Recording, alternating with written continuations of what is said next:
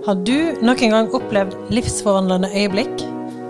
Jeg heter Marianne, og jeg har intervjuet flere personer som har erfart at livet fikk en helt ny retning etter at de fikk et møte med Gud.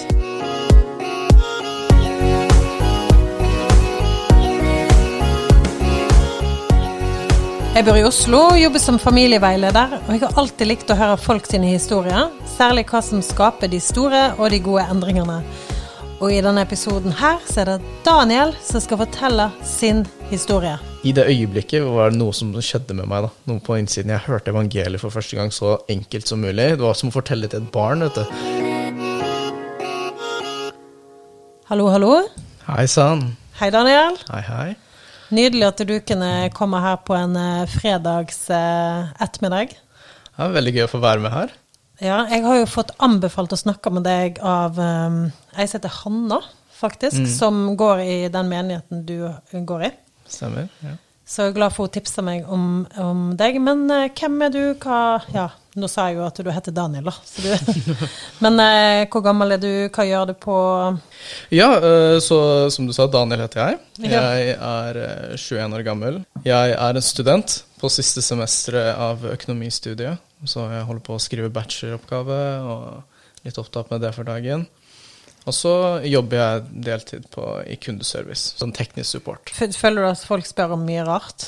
Ja, du skulle bare visst. Det er Ikke mye jeg har lov til å si, men det er ja, veldig mye spørsmål om telefoner og blant annet. Sånn. Altså, jeg har så ofte ringt inn av rare spørsmål til alle mulige sånn support. Mm. Ja, Så jeg håper ingen har lagra de noe sted, eller kan Nei bruke da. det mot meg en gang. du, du er ikke alene, for å si det sånn. Veldig bra. Nei. Men uh, du har jo et eh, livsforvandlende øyeblikk, du òg. Kanskje du Mm. kunne bare begynt med å sagt litt kort hva det dreide seg om? Jeg har hatt litt sånn uh, uvanlig liv, egentlig. Uh, Sammenligna med en uh, vanlig norsk gutt. Jeg bodde litt forskjellige steder og litt sånt. Um, men mye av det dreide seg om at jeg egentlig har vært ganske introvert hele livet mitt, og det har ført til at jeg senere i livet har vært veldig ensom og ført til litt depresjon og litt sånt. Um, så dette prega meg veldig, da. Det gjorde at jeg ble til en person som jeg ikke likte.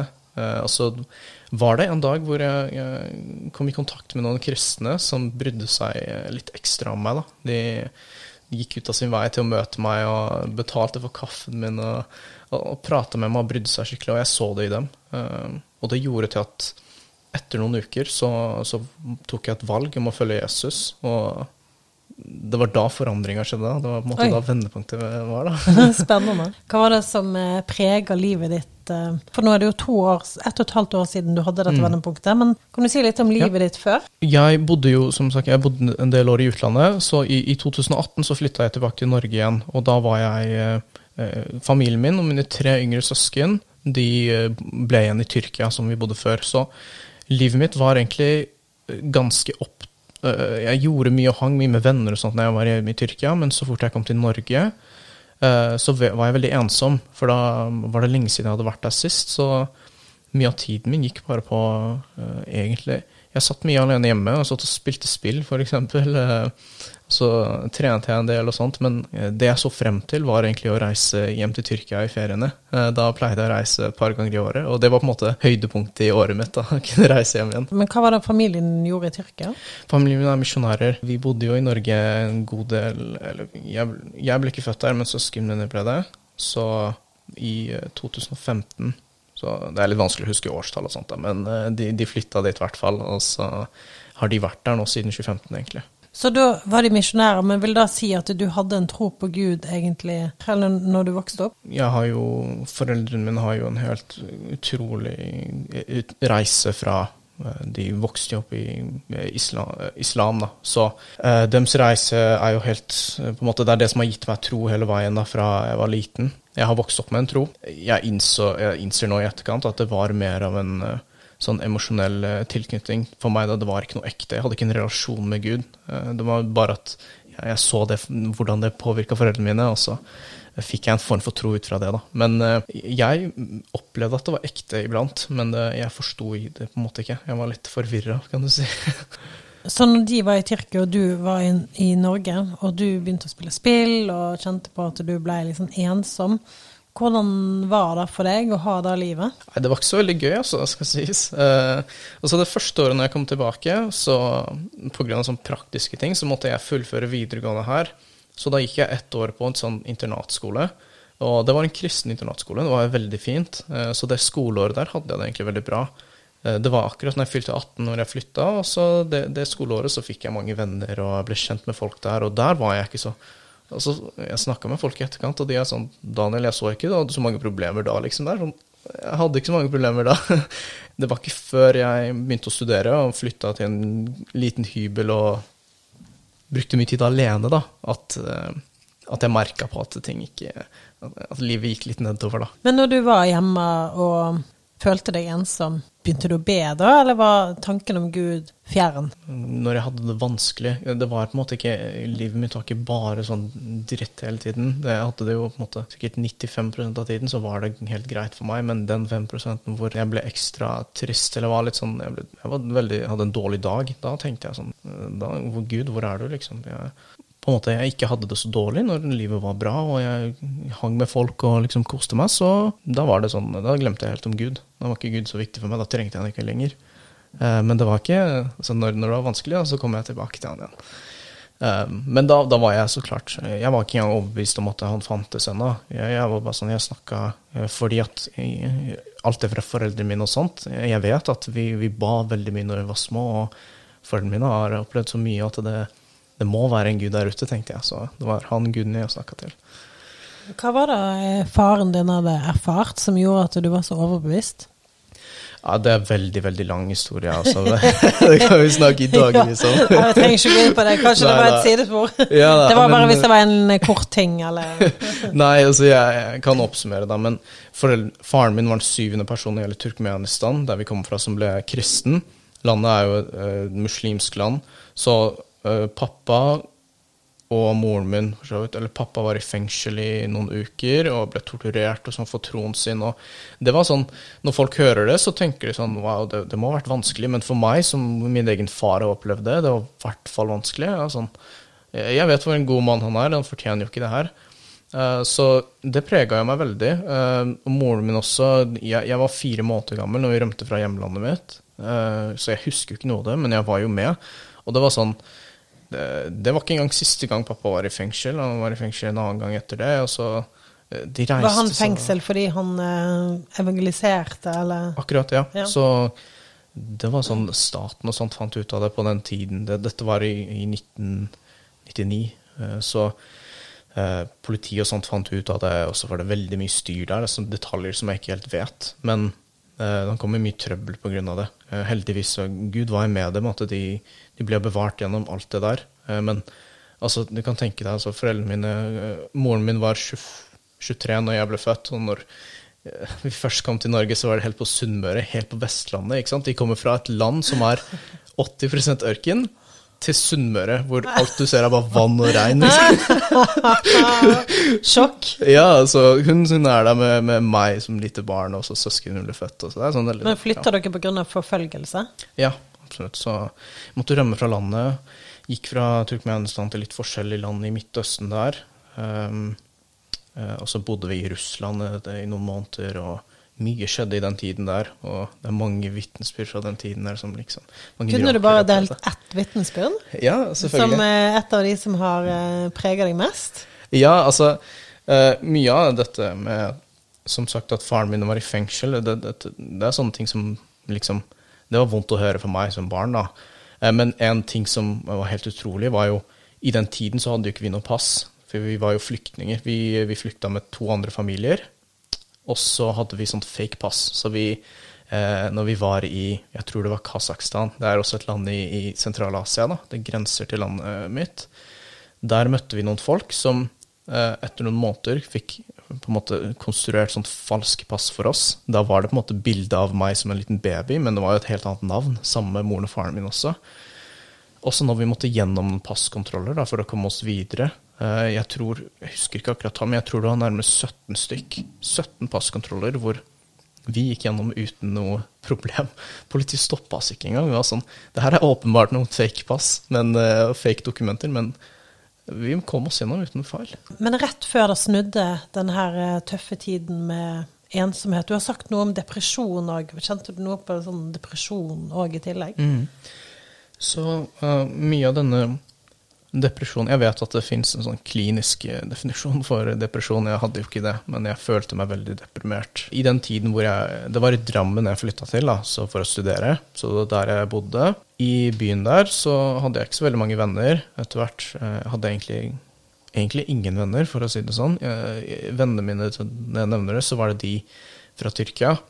Så eh, når jeg hang med dem, så var jo livet så bra. Det var sånn eh, Ja, det var de fra Tyrkia. Ja. ja mm. eh, og, så, og, så, hadde jeg jo Det var én barndomskompis fra eh, det var Halden jeg vokste opp i, jeg vet ikke om jeg sa det. Ok, Så da skjønner jeg at du, du hadde jo noen venner, men de var i Tyrkia, sant? Så når du eh, bodde i hybel i Drammen, så hadde du faktisk ikke noen særlige venner der. Og da ble du veldig aleine. Ja, ja. Og der uh, visste jeg ikke så mye. Jeg visste ikke hva jeg skulle gjøre med tiden min. Jeg satt alene og bare stirra i veggen, egentlig. Ja, Og så kom jo pandemien i tillegg. Ja, så det var jo kort tid etter jeg flytta til Drammen at, at, pandemien kom også, så det hjalp jo ikke så veldig. Oi, det mm. må jo være dobbelt opp. Og hvordan preger den mm. tiden med pandemi deg?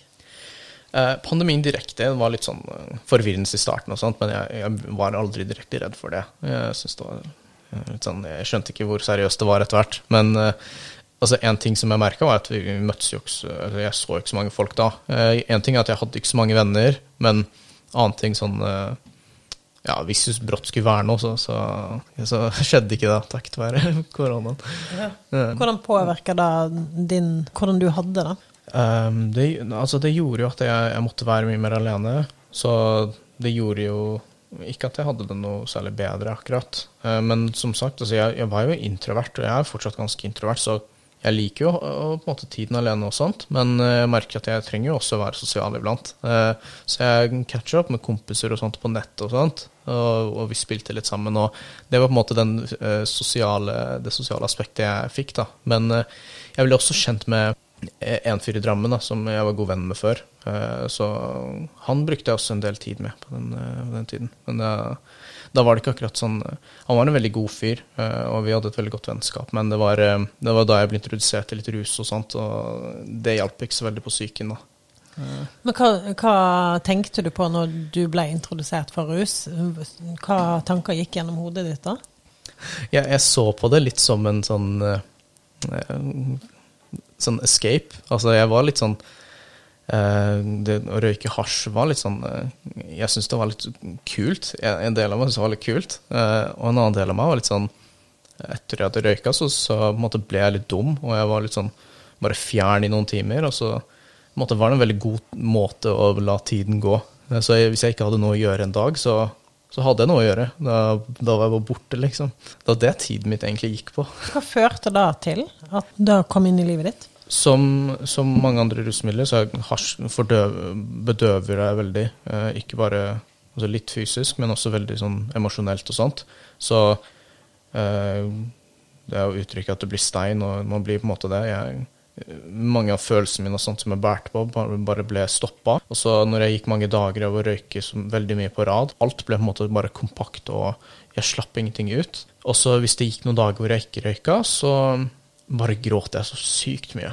Sånn, alt bare eksploderte i meg. Jeg gikk gjennom masse følelser. og liksom, jeg satt der på kveldene og jeg var sånn Ja, jeg bare gråt helt meningsløst. Jeg savna familien min da, og så så jeg hvor meningsløst livet mitt var. og sånn, jeg, jeg fikk ingen fremgang. Så det var litt sånn, sånn det påvirka meg, da, egentlig. Og hvordan var det dette begynte å snu? Den rusavhengigheten, den varte en stund. Det var en del måneder, egentlig. Det var ikke før uh, i, i juni måneden så var det en fyr fra eh, fra Skien. En sånn random fyr fra Skien.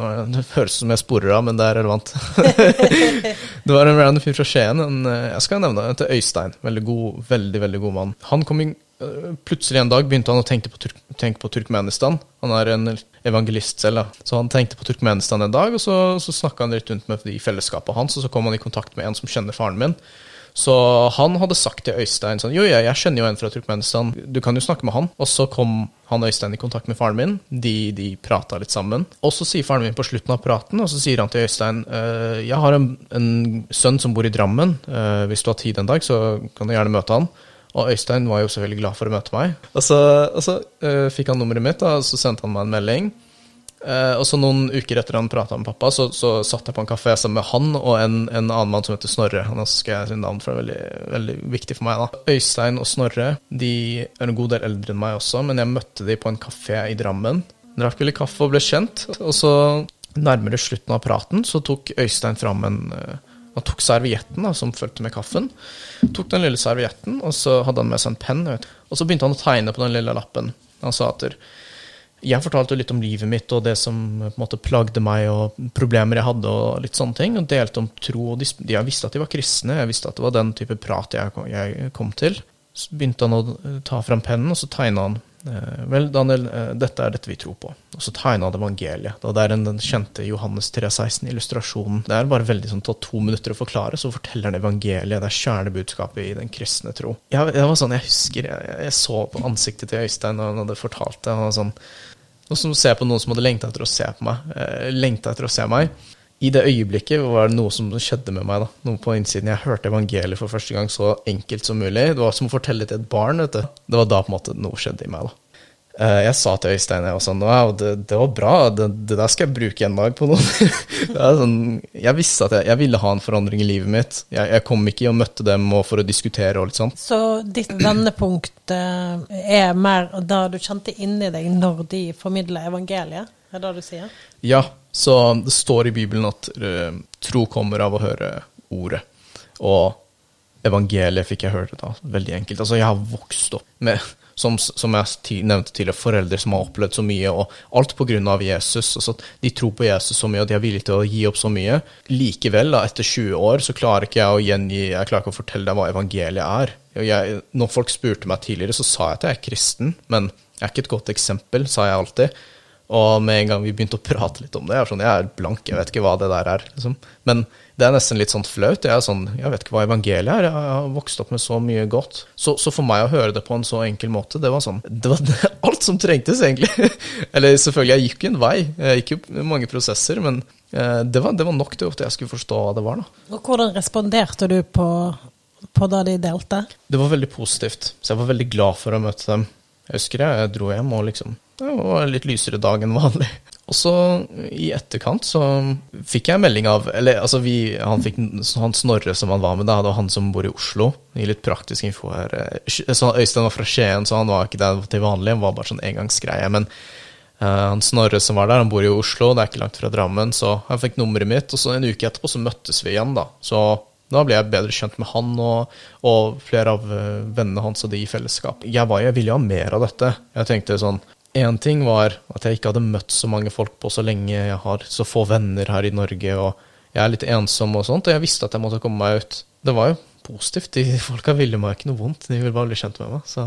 Og hvordan har eh, livet vært etterpå? De her, det er jo bare gått ett og et halvt år. Hvordan mm. har vandringen din vært etterpå?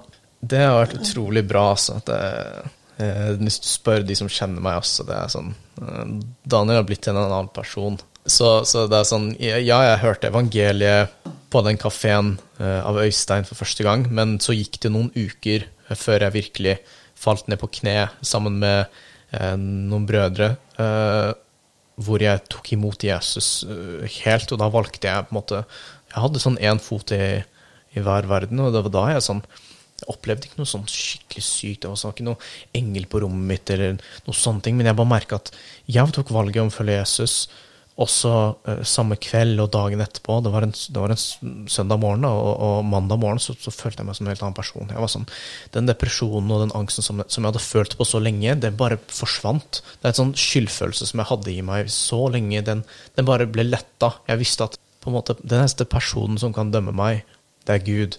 Og Gud har dødd for mine synder. Det er sånn uh, Hvorfor er jeg bekymra da? Så alt ble letta, og jeg, jeg så liksom på verden som et helt annet altså Jeg liker å forklare det som at jeg så sånn verden i et nytt lys og sånt, og det, det, er, litt, det er, sant. Jeg, jeg, fikk en ny kjærlighet for mennesker, og relasjonen min ble søskne og venner og sånt ble fiksa, på en måte. det var som noe det aldri har vært før, da. Hva tror du den skyldfølelsen handler om, som du hadde båret med deg? På den tiden så kom det av at uh, jeg vokste jo opp i et kristent hjem, og jeg ble fortalt hva som jeg skal gjøre, hva som jeg ikke skal gjøre. Så jeg tror at eh, kristne som vokser opp i kristne hjem, de vokser opp med en annen eh, samvittighet. Fordi, eh, så de vokser opp med sånne ting, eh, og, og, hvis du på en måte bryter noe av det, så på en måte da, da merker du det på, på, samvittigheten. Men jeg vet jo nå i etterkant, etter å ha lest i Bibelen, også jeg vet at Gud har lagt loven ned på alle menneskers hjerte. Og selv om de ti bud kan være noe du ikke følger, så, så er det sånn at Gud har skapt deg. Så hvis du lyver til noen, eller hvis du ikke ærer foreldrene dine, så skjærer deg i hjertet. Den kan ikke lyve. Og um, de siste ett og et halvt årene, da, etter du tok sånn ordentlig mot Jesus, hvordan har livet vært da? Eh, det har vært kjempebra, altså. Det, som jeg sa, jeg, jeg etter ca. et år så flytta jeg til Oslo. Eh, det var egentlig mest for å være nærmere fellesskapet her. For her eh, er jeg en del av menigheten som heter DNA.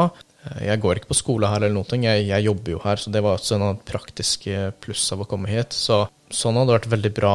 Uh, som jeg sa, jeg, søsknene mine som, jeg, som uh, heller ikke hadde så veldig godt, uh, godt, relasjon med før, det har blitt mye, mye bedre. Vi, det har jo også blitt litt eldre, så vennskapet vårt er mye sterkere enn før. Um, og så kompiser også. Det var sånn Han ene, han barndomskompisen min fra Halden, han hadde jo sånn Jeg husker vi fikk jo mange gode prater etter at jeg ble frelst, mer enn noen gang. Eh, og han sa til meg sånn eh, Før, når vi, når vi satt og snakka sammen, eller før når vi dro på en biltur for å prate, liksom, så sa du så lite, Daniel. Det var sånn Vi, vi kjørte i en time, og du prata, du sa sikkert sånn ti setninger, ikke noe mer. Uh, du satt bare og hørte på, liksom. Du var ikke interessert. Jeg sånn, ja, det er helt sant. Og så sier han men nå er det ikke sånn lenger. Nå har han en sånn måte å snakke på som er liksom, treffer meg på en rar måte. Jeg er bare sånn, ja, det er Den hellige ånd som treffer. Hvordan er hvordan, Altså, vi lever jo i et samfunn der ensomhet er pekt på som en av de største samfunnsproblemene. Mm. Hvordan er det å føle seg ensom? Kan du beskrive litt den følelsen? For min del så var det å sitte inne på en 14 kvadratmeters eh, hybel midt i en pandemi hvor du ikke kan møte folk. En ting er jeg hadde jo ikke så mange folk å møte, eh, så det er veldig kjedelig. Eh, jeg vet at hvis du går en lengre periode uten å prate med andre, selv en enkel samtale, så går du litt crazy. Liksom, hodet ditt går liksom overalt. Jeg er en person som har en tendens til å overtenke, og da når du, spesielt når du ikke prater med andre, eller bare en sånn enkel samtale, så, så går du helt, du blir gæren i hodet. Uh, nå er det jo Hvis jeg er, eh, sitter inne og Jeg er en introvert, så jeg sitter inne en eller to dager på rad, så kan det være greit. Men over en lengre periode så er det så sykt kjedelig. Altså det, det mister liksom meningen. Men det, det sånn, du bare lever livet helt alene. Det fins ingen andre rundt deg. Det, det, er ikke noe gøy. Hva, men er det noen, noe, noen kunne gjort i den situasjonen, tror du? i et samfunn der du var rundt, for at ikke du skulle havne i den situasjonen, eller er det noe vi som samfunn kan gjøre? Jeg tror at Tror du? Ja. Jeg tror at uh, Jeg er selv skyldig her, men jeg tror at vi, spesielt kristne, kan være flinkere til å, å ta initiativ for å møte folk. Jeg tror at innerst inne, selv jeg, den mest introverte personen som du kan møte Ikke mest, men veldig introvert, da. jeg ville møte folk innerst inne. Jeg var sånn, Når Snorre sendte meg melding om å møtes, så var jeg sånn Yes, det her vil jeg få med meg. Liksom. Jeg har lyst til å møte deg. Selv om det er en time og vi tar en kaffe og bare prater, liksom, så, så, så er det gøy. Det er noe jeg trenger. Uh, jeg tenker Det fins veldig mange, spesielt studenter for eksempel, som er ensomme. Og de trenger folk å være med, og de trenger å henge, selv om uh, Selv lavterskelting, det liksom Det skal ikke så mye til. Så jeg tenker vi kan bli flinkere til å, til å samle folk, da. Uh, vi nordmenn har liksom vi liker status, og vi liker å ikke være så sårbare. og Jeg tror det er en tabbe, altså. Og så I tillegg så er jo det med rus veldig utbredt, og spesielt eh, blant ungdom, eller mange aldersgrupper. Men eh, hva tror du er grunnen til at så mange søker til rus? Ja, jeg tror at det er en bedøvelse, da. Som jeg nevnte i stad. Du glemmer litt hverdagen og hvor kjedelig og hvor jeg, jeg, sånn, jeg husker på den tiden hvor jeg røyka mye. var sånn, Hvis folk eh, skal jobbe, jobbe fulltid, jobbe åtte timer fem dager i uka, så holde på sånn i fem, ti, fem, 20 år Og så på, på, en fredagskveld, når du har to dager eh, fri, da, så så er det så kjedelig. Ja, sånn, hva gjør man på en fredagskveld eller lørdagskveld når du ikke har noen å henge med? Det er sånn, Jeg skjønner hvorfor folk går til rus, egentlig. Ja, sånn, på den tiden så var det ikke at jeg En ting var at det var en form for bedøvelse, men også jeg likte det fordi jeg ikke hadde noe annet å gjøre. Jeg, sånn, jeg kjeda meg. Så det er jo utrolig både ensomhet og rus og sånne ting som kan brukt, bli brukt som en flukt, da. For å komme seg unna vanskelige følelser eller en vanskelig, bare kjedelig situasjon. Dette her viser jo bare hvor viktig det er å bry seg. Hva er din oppfordring til mennesker som sitter i mye ensomhet? Altså, nå var jo du introvert, og jeg har hørt at pandemien var jo egentlig introvertens tid. Men det hørtes som det ble overkant òg for deg. Men hva anbefaling har du til de som faktisk sitter mye i ensomhet, og ikke blir fanget opp, da, eller ikke ja, så kanskje flykte inn i rus, eller flykte inn i andre ting. Har du noe å si til de? Det, det er en veldig viktig ting å ta ansvar i livet sitt. Jeg, som jeg sa, jeg ville jo møte folk, og selv om jeg ikke tok så veldig mye ansvar på den tiden, så tror jeg at de som er ensomme, de som har eh, depresjon og de som har sånne problemer og vil ut, det er en veldig viktig ting å ville vekk fra det, må ta ansvar. Og, det vil si og hvis det er noen person som du kan snakke med, hvis du har en venn, eh, en venn eller en familiemedlem eller hvem som helst, ta, ta søk eh, andre folk, for de kan hjelpe deg. Det er alltid sånn. Eh, jeg tenker Det, det fins alltid noe man kan gjøre. Er det noe du vil si til slutt? Så, uh, sånn veldig praktisk at det som skjedde med meg når jeg møtte disse kristne, det var jo at mitt syn på hva det betyr å være kristen, forandra seg. Jeg tror at hvis du hører på i dag, og du har en formening av hva den kristne tro omhandler, og hva kristendommen er, og hvorfor det finnes så mange trosretninger og sånne ting, så finnes det et svar. Uh, jeg personlig brukte mye tid på å lese meg opp på å uh, forsvare troen min, og det hjelper meg veldig. Og jeg kan si det sånn at det er veldig lett å tro at det handler om å gjøre masse gode ting og, og Eh, handler om å gjøre gode gjerninger for å på en måte komme til et godt sted etter du dør, men det er ikke det det handler om. Eh, det var, en, det var kanskje en av de største tingene som gjorde at eh, mitt syn av hva det var, vil være å være kristen, forandra seg. At jeg, jeg, leste det verset som står i Efeserne 2,8, der det står at det er av nåde vi er frelst ved tro, og det er ikke deres eget verk, men det er Guds gave du kan ikke frelse deg selv. Det er Jesus som har forsont deg med Gud, og du trenger å rope ut til Jesus og be han frelse deg, så vil han gjøre det. Veldig bra. Har du lyst til å be en kort bønn til slutt? Absolutt. Kjære Gud, jeg takker deg for, um, for alle som hører på i kveld, Herre, uh, på denne podkasten. Far, jeg takker deg for det du har gjort i mitt liv, far. Takknemlig for Marianne som leder denne podkasten og gir folk muligheten til å dele historien sine. Herre, vi er levende vitnesbyrd av det du har gjort, far. At du forandrer folks hjerter, og du gir oss en ny ånd og ny drivkraft, Herre. Far, jeg ber at folk fortsetter å søke etter deg. og Jeg ber at du gir slipp på den skyldfølelsen og depresjonen som, som, som tusenvis andre kjenner på, Herre. Herre jeg takker deg for, for, alt du har gjort, far, og takk, Jesus. Amen. Amen. Nå skal vi gå til avslutning, så vi snakkes eller høres ved neste episode.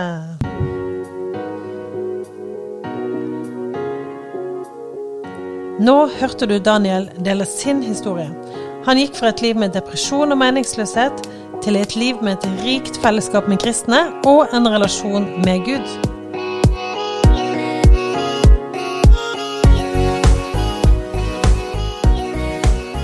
Likte du episoden, del den gjerne på Facebook eller på Instagram. Og bli gjerne medlem i Facebook-gruppa Vendepunkt der skjer det av og til at vi har livesendinger med oppfølgingsspørsmål til gjest. Og send gjerne spørsmål til meg på Instagram-konto vendepunkt-podkast hvis du har spørsmål om episoden. Vil du sjekke ut mer om Gud? Da anbefaler jeg nettkurset 'Velkommen hjem' med Egil Svartdal. Da finner du f.eks. på omgud.nett. Ha det!